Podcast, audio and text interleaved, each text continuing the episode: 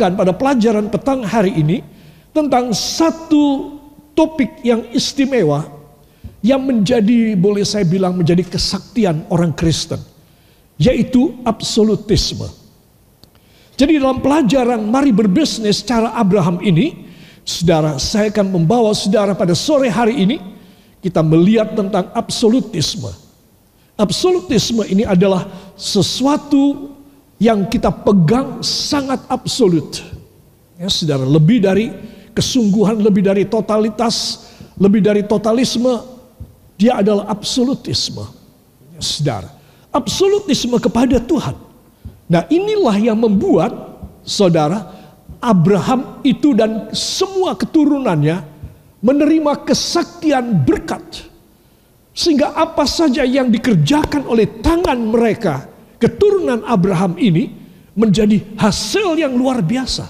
Mungkin saudara berkata, saya tidak punya biaya, saya tidak punya modal, saya tidak punya keahlian, saya tidak punya ide untuk mencari uang. Saudara, saudara harus tahu satu perkara, yaitu katakan bersama saya, yaitu Tuhan akan bekerja di dalam hidup saya. Ya, saudara, kalau Tuhan yang bekerja, saudara akan keheranan, saudara. Tidak seperti orang yang mendadak menjadi kaya, akhirnya masuk bui. Buat apa saudara? Ya, Tuhan memberkati saudara dan saya dengan berkat-berkat yang pasti dari Tuhan. Saudara yang kekasih, nah, mengapa kita optimis diberkati? Ya, sekali lagi saya hanya baca saja. Dari perjanjian lama ada tiga perjanjian, yaitu perjanjian Abrahami, kejadian 12 ayat 2 dan 3 yang berisi Abraham akan dijadikan berkat dan dimuliakan. Ya, siapa memberi berkat kepada Abraham akan diberkati orang itu. Siapa yang mengutuki Abraham yang bikin susah akan dikutuki oleh Allah. Kemudian perjanjian Musaik ya ketika Musa diutus oleh Tuhan memimpin Israel keluar dari Mesir. Tertulis dalam Keluaran pasal 19 ayat 5 dan 6 isinya bahwa Tuhan akan menjadikan Musa dan seluruh umat Israel menjadi harta kesayangan miliknya sendiri. Ya, Saudara. Dan kedua, mereka bukan cuma menjadi harta kesayangan, tapi mereka menjadi imamat yang kudus, kerajaan imamat yang kudus. Saudara. Nah, luar biasa kan? Masih ada satu lagi dalam perjanjian lama, yaitu perjanjian Daudi dalam 2 Samuel pasal yang ke-7 ayat 9 dan ayat yang ke-12 isinya A. Kamu akan mengalahkan musuh-musuh dan aku akan menjayakan kamu. B. Aku akan mengangkat martabat seluruh keturunan Daud. Pokoknya keturunan Daud aku akan angkat martabatnya. Aku akan jadikan raja atas Israel dan atas Yehuda. Ya saudara hebat sekali. Ini perjanjian lama. Ya saudara, dalam perjanjian baru, nah inilah yang saya dan saudara, kita harus absolut kepada Tuhan. Karena tiga perjanjian pada perjanjian lama, saudara, itu sudah dahsyat. Tetapi perjanjian Tuhan Yesus di dalam perjanjian baru, ya, yang mengutamakan memberi keselamatan dan memberi sorga. Katakan, Yesus memberi keselamatan dan memberi sorga kepada saya. Ya. Nah, selain itu, Yesus juga memberi kelimpahan jasmani dan rohani. Amin. Ada banyak ayatnya. Ya, saya cuma memetik dua, Yohanes 10 10, Efesus 2 ayat 18 dan 19. Dan perjanjian dari Tuhan Yesus, aku akan menjadikan kamu sehingga kamu boleh berbuah lebat dan lesat seumur hidupmu. Ya, Yohanes 15 16, Wahyu 22 ayat yang kedua. Saudara yang kekasih, nah perjanjian baru ya saya tuliskan adalah penjumlahan dari perjanjian lama ditambah tunjangan-tunjangan dan bonus-bonus. Katakan bersama saya. Perjanjian baru adalah per, penjumlahan perjanjian lama ditambah tunjangan-tunjangan anugerah dan bonus-bonus anugerah.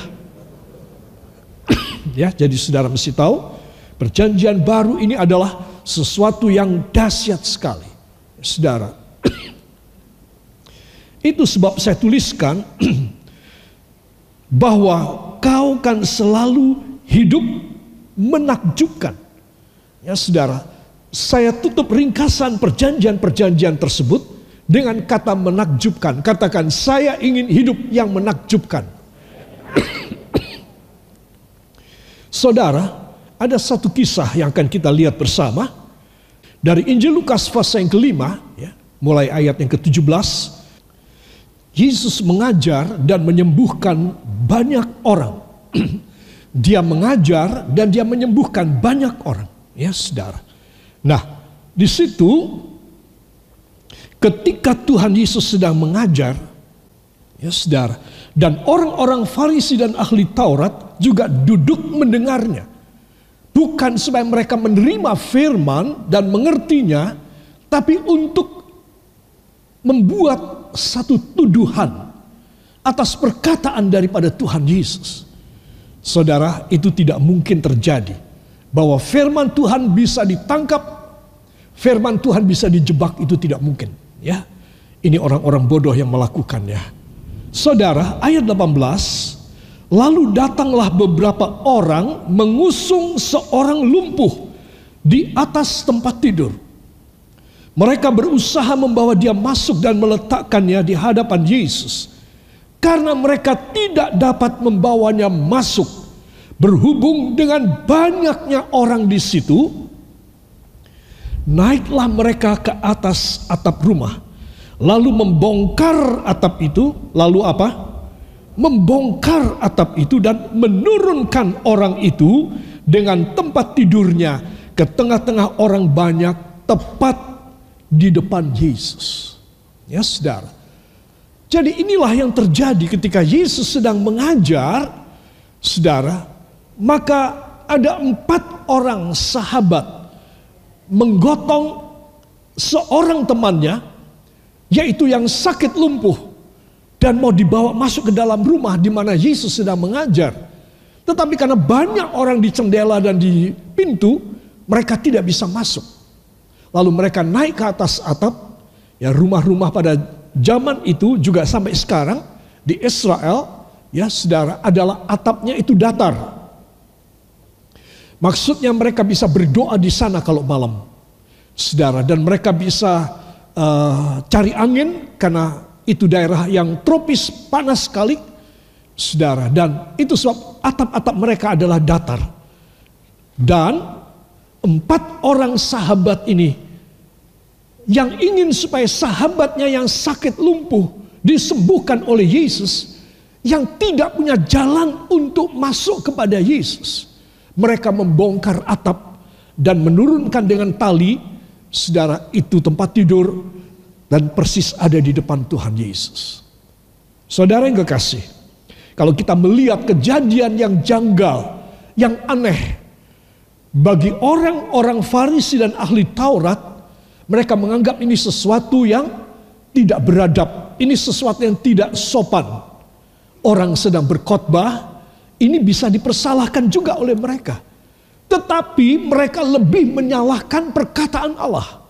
Saudara, ketika Yesus melihat ini tempat tidur dengan orang yang sakit lumpuh di atasnya, saudara, maka Yesus berkata, Hai saudara, ayat 20, Hai saudara, dosamu sudah diampuni. Dosamu sudah diampuni. Saudara, dia menghadapi orang sakit. Tetapi sekarang dia bicara tentang dosanya orang ini.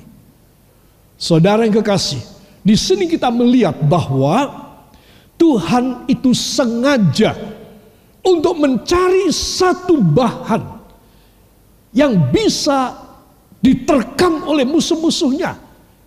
Dan dengan demikian Yesus bisa menjelaskan kepada dia Benarlah ketika Yesus berkata, dosamu sudah diampuni. Maka para orang-orang Farisi dan ahli Taurat yang memang sengaja mendengarkan Yesus berkhotbah untuk mencari alasan menangkap dia, menemukan alasan. Ini orang bisa ditangkap. Siapakah yang bisa mengampuni dosa? Hanya Allah. Kenapa dia berkhotbah dan dia mengatakan dia bisa mengampuni dosa? Nah, Yesus memberikan umpan pancingan yang langsung diterkam oleh orang-orang yang memusuhi dia. Saudara yang kekasih, mereka berkata, "Siapakah orang yang menghujat Allah ini? Siapa yang dapat mengampuni dosa selain daripada Allah sendiri?" Ya, saudara, Yesus ketika tahu pembicaraan mereka yang mau, yang mau menangkap dia, Yesus berkata, apakah yang kamu pikirkan dalam hatimu? Coba lihat. Ya saudara, segala macam rekayasa, tipu daya, tipu muslihat, semua macam rencana-rencana jahat. Saudara, Tuhan Yesus mengetahuinya. Ya apa tidak? Iya, dia mengetahui. Itu sebab langsung to the point dia menegur mereka. 22. Apakah yang kamu pikirkan dalam hatimu? Manakah lebih mudah mengatakan dosamu sudah diampuni atau mengatakan bangun dan berjalanlah? Saudara, di sini kita melihat bahwa orang yang sakit ini ketika diam di hadapan Yesus dan minta disembuhkan, Yesus mengatakan mengenai soal dosa. Saudara, dan dia mengatakan, "Aku ampuni dosamu." Tidak ada satu orang baik dia sehat, baik dia sakit yang tidak berdosa. Katakan amin. Itu sebab Yesus mengemukakan mengenai soal pengampunan. Katakan pengampunan. Saudara yang kekasih Yesus bisa mencintai manusia. Kenapa? Karena dia mau memberi pengampunan. Saudara, orang mencintai oleh karena kasihan, sakit, itu juga bisa dikasihani. Tetapi kalau orang berdosa di mata Allah, pengampunan itu adalah paling topnya belas kasih Allah. Jadi kalau saudara dan saya datang minta pengampunan dosa, maka dia paling senang untuk memberikan ampun karena setelah itu terjadi mujizat. Nah, ini yang tidak orang-orang Farisi ketahui. Saudara, mereka hanya menangkap Yesus dengan kata-kata, "Kamu manusia apa yang bisa mengampuni itu hanya Allah sendiri." Saudara yang kekasih, di sini saya menunjukkan kalau saudara dan saya bisa menangkap pengampunan Tuhan dalam hidup saudara, maka hal yang menakjubkan bakal terjadi di dalam hidup saudara. Katakan amin.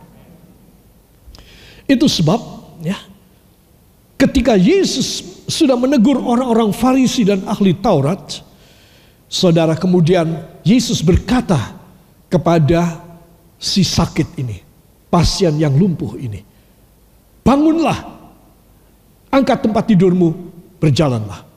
Saudara. Nah, ini perintah dari Tuhan. Setelah dia memberikan pengampunan. Saudara yang kekasih, pengampunan itu adalah pribadi Allah yang paling luar biasa. Saudara, kita sering kali tidak bisa mikir, aku berdosa, aku diampuni, aku meninggal, aku bisa masuk ke sorga. Itu sesuatu keajaiban. Itu bukan sesuatu rule ataupun hukum atau satu aksioma. Tetapi itu satu keajaiban kasih Allah. Bahwa orang yang berdosa diampuni oleh Tuhan Yesus.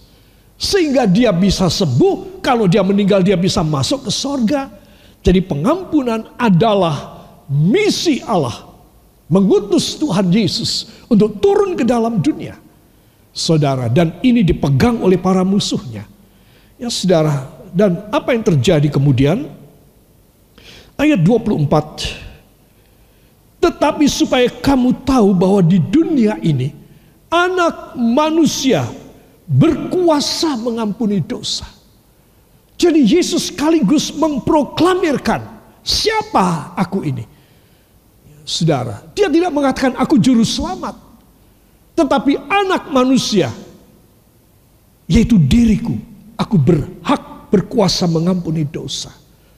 Saudara yang kekasih, lalu dia berkata kepada orang yang lumpuh ini, dan dia berkata, kepadamu kukatakan, bangunlah, angkatlah tempat tidurmu, dan pulanglah ke rumah. Dan seketika itu juga bangunlah ia di depan mereka. Saudara. Jadi mengapa saya mengambil contoh ilustrasi tentang Yesus membangkitkan ini. Saudara, ini adalah satu hal yang menakjubkan. Dan apa yang terjadi, ayat 26 kita akan baca bersama. Lukas 5, 26. Satu, dua. Semua orang itu takjub. Lalu memuliakan Allah. Dan mereka sangat takut katanya. Hari ini kami telah menyaksikan hal-hal yang sangat mengherankan Amin. Saudara yang kekasih, keturunan Abraham bukan hanya menerima tiga janji pada perjanjian lama saja.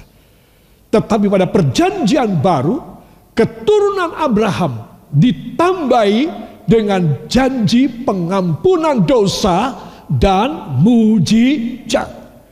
Jadi di sini saya katakan tadi bahwa perjanjian baru adalah penjumlahan dari perjanjian lama, tunjangan-tunjangan, bonus-bonus yang semuanya diberikan pada siapa yang percaya kepada anak manusia, yaitu Yesus Kristus. Semua orang itu takjub. Kenapa? Karena si pasien yang lumpuh terbaring tak bisa apa-apa ini. Ketika mendengar firman, mendengar perintah, bangunlah dan angkat tempat tidurmu, berjalan pulang dia mendapat kekuatan. Ketika dia mendengar, dia percaya, dia kuat. Katakan, ketika saya mendengar firman, saya percaya kepada firman, saya kuat. Amin. Jadi di sinilah mulai saya bawa Anda pada perjanjian baru. Di mana firman yang disampaikan penuh dengan kuasa. Jadi kalau saudara dan saya kita ada pada perjanjian baru di akhir zaman, harusnya kita menerima banyak tunjangan, banyak bonuses daripada Tuhan Yesus dalam hidup kita. Sehingga apa yang kita mustahil, apa yang orang lain sedang meneliti, mengeliat kepada kita. Saudara, Tuhan kasih nyata, aku mau. Aku mau kamu sembuh. Aku mau mengampuni dosamu, dan aku menyembuhkan kamu. Untuk apa? Untuk Tuhan Yesus kasih tunjuk pada orang-orang yang memusuhi dia semuanya. Bahwa Yesus tidak berdebat. Yesus cuma kasih bukti. Ini orang sudah sembuh sekarang. Karena aku berfirman kepadanya, dia percaya kepada firmanku, dan dia bertindak berdasarkan perintahku. Dia berjalan pulang sembuh.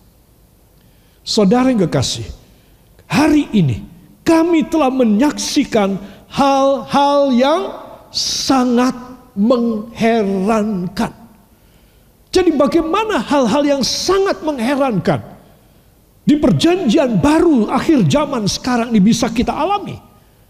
Yaitu kalau saudara dan saya kita mendengarkan firman Tuhan dan kita percaya kepada firman yang kita terima, dan kita bertindak dengan berani, maka Tuhan memberikan kuasa di dalam tindakan kita.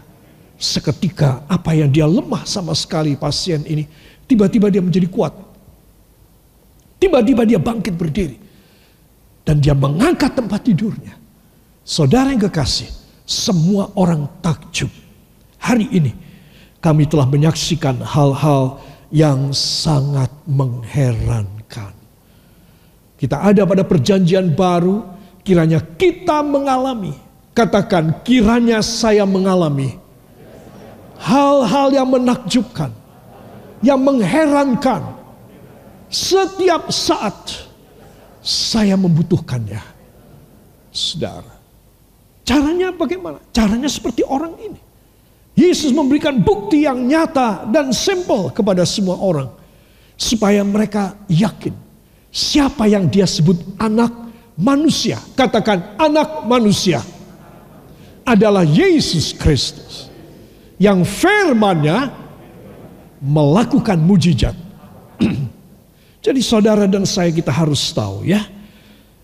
Saya mengambil ilustrasi lukisan ini, saudara, adalah seorang yang ingin dijamah oleh tangan Tuhan. Saudara, persis seperti orang yang lumpuh ini. Saudara, dia dalam keadaan yang lumpuh dan tidak mampu, tetapi ketika dia mendengar firman, itu seperti Tuhan menjamah dia. Dan Tuhan menyatakan hal yang menakjubkan di dalam kehidupannya. Saudara, apakah saudara rindu hari ini mengalami hal-hal yang mengherankan? Siapa yang rindu, beri tepuk tangan bagi dia. Haleluya. Saudara, tekadlah mendengar firman. Mendengar firman bukan cuma kalau saudara bisa. Saudara ada waktu, tidak ada acara, saudara sedang senang hatinya, atau saudara sedang susah, makanya saudara mencari Tuhan. Tidak, setiap saat saudara membutuhkan firman dalam hidup saudara. Ketika semua running well, baik, berjalan dengan lancar. Ketika saudara mengalami kejeglong, saudara mengalami ancaman, saudara mengalami penyakit, saudara mengalami sesuatu yang ruding dan bangkrut. Saudara, engkau seluruh aspek hidupmu. Katakan seluruh aspek hidup saya. Sangat membutuhkan firman. Jadi kalau saudara pegang perjanjiannya, saudara engkau tidak akan kecewa, tetapi engkau akan takjub. Amin. Katakan saya akan takjub. Karena saya tidak akan dikecewakan. Karena saya pegang perjanjian Allah. Dalam nama Yesus. Amin. Saudara, tekadlah dengar firman, kau dijamah, kau takjub. Ya, saudara, tips berkelimpahan nomor satu saya sudah sampaikan pada tiga atau empat kali serial sebelum ini dari tiga Yohanes ayat yang kedua. Saya angkat ini menjadi tips nomor satu. Cara mudah yang bergandengan dengan tadi Lukas 5 26 hal yang menakjubkan bisa terjadi. Yaitu apa? Rohani dekat dengan Yesus. Kalau ini kita lakukan, maka kita sudah bisa menyelesaikan tips yang pertama. Ya, saudara yang kekasih, di dalam 3 Yohanes 2 saya pernah jelaskan tempo hari bahwa ayatnya dalam bahasa Indonesia kurang jelas. Ya, itu sebab saya ingin memetiknya sebagai tips yang pertama, be prospered. Kata prosper artinya berhasil dan berlimpah. Katakan saya harus berhasil dan berlimpah. Dengan cara rohani saya sehat. Ya. Jadi orang yang rohaninya sehat bukan cuma jasmaninya saja supaya tidak kena Covid, eh ternyata yang sehat jasmaninya juga kena COVID, juga meninggal. Yang sudah dua kali divaksin, bahkan yang sudah tiga kali. Beberapa negara sekarang mulai vaksin yang keempat, booster yang kedua. Saudara, juga mati. Saudara mau apa? Saudara. Itu sebab Anda dan saya harus tahu. Ketangguhan badan saudara, kesehatan badan saudara, gak ada artinya tapi kalau di dalam tubuh saudara itu ada rohani yang sehat, katakan bila rohani saya sehat, rohani saya kuat, baru berarti. Ya, saudara, itu sebab ini tips yang pertama, berhasil dan berlimpahlah. Saudara yang kekasih, nah, kemarin saya memetik dalam naskah New King James, beloved. I pray that you may prosper in all things and be in health, just as your soul prospers. Sama seperti jiwamu berhasil dan berlimpah, rohanimu berlimpah. Maka segala perkara berlimpah bagi kamu.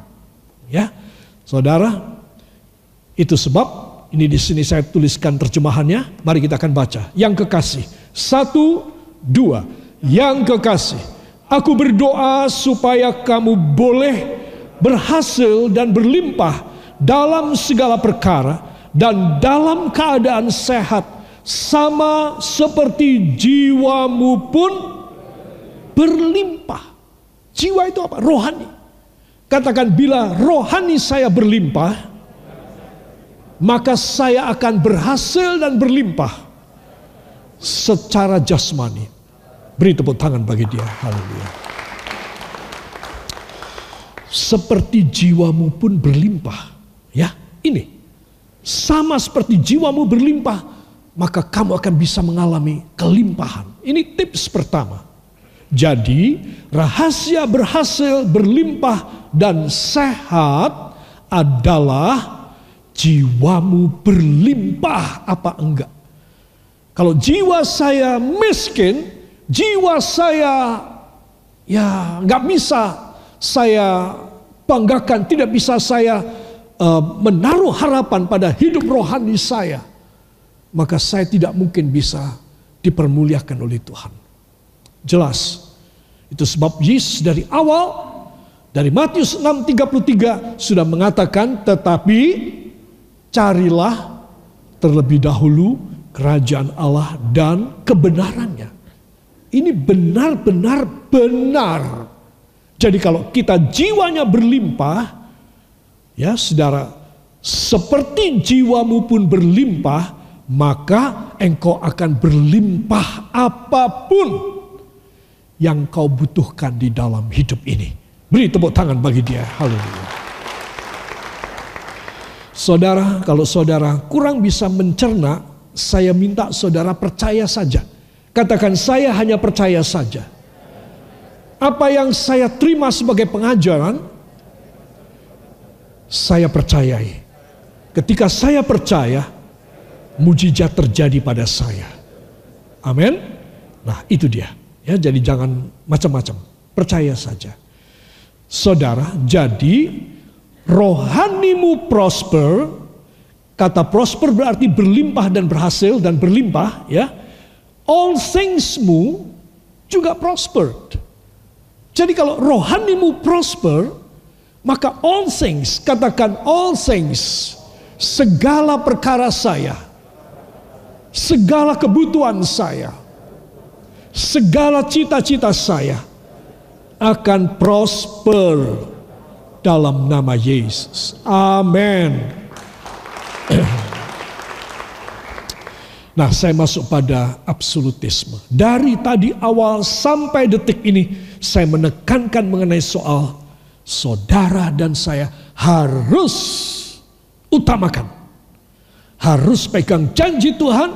Engkau punya janji Tuhan, engkau hidup senang, engkau dilimpahi, ini absolutisme.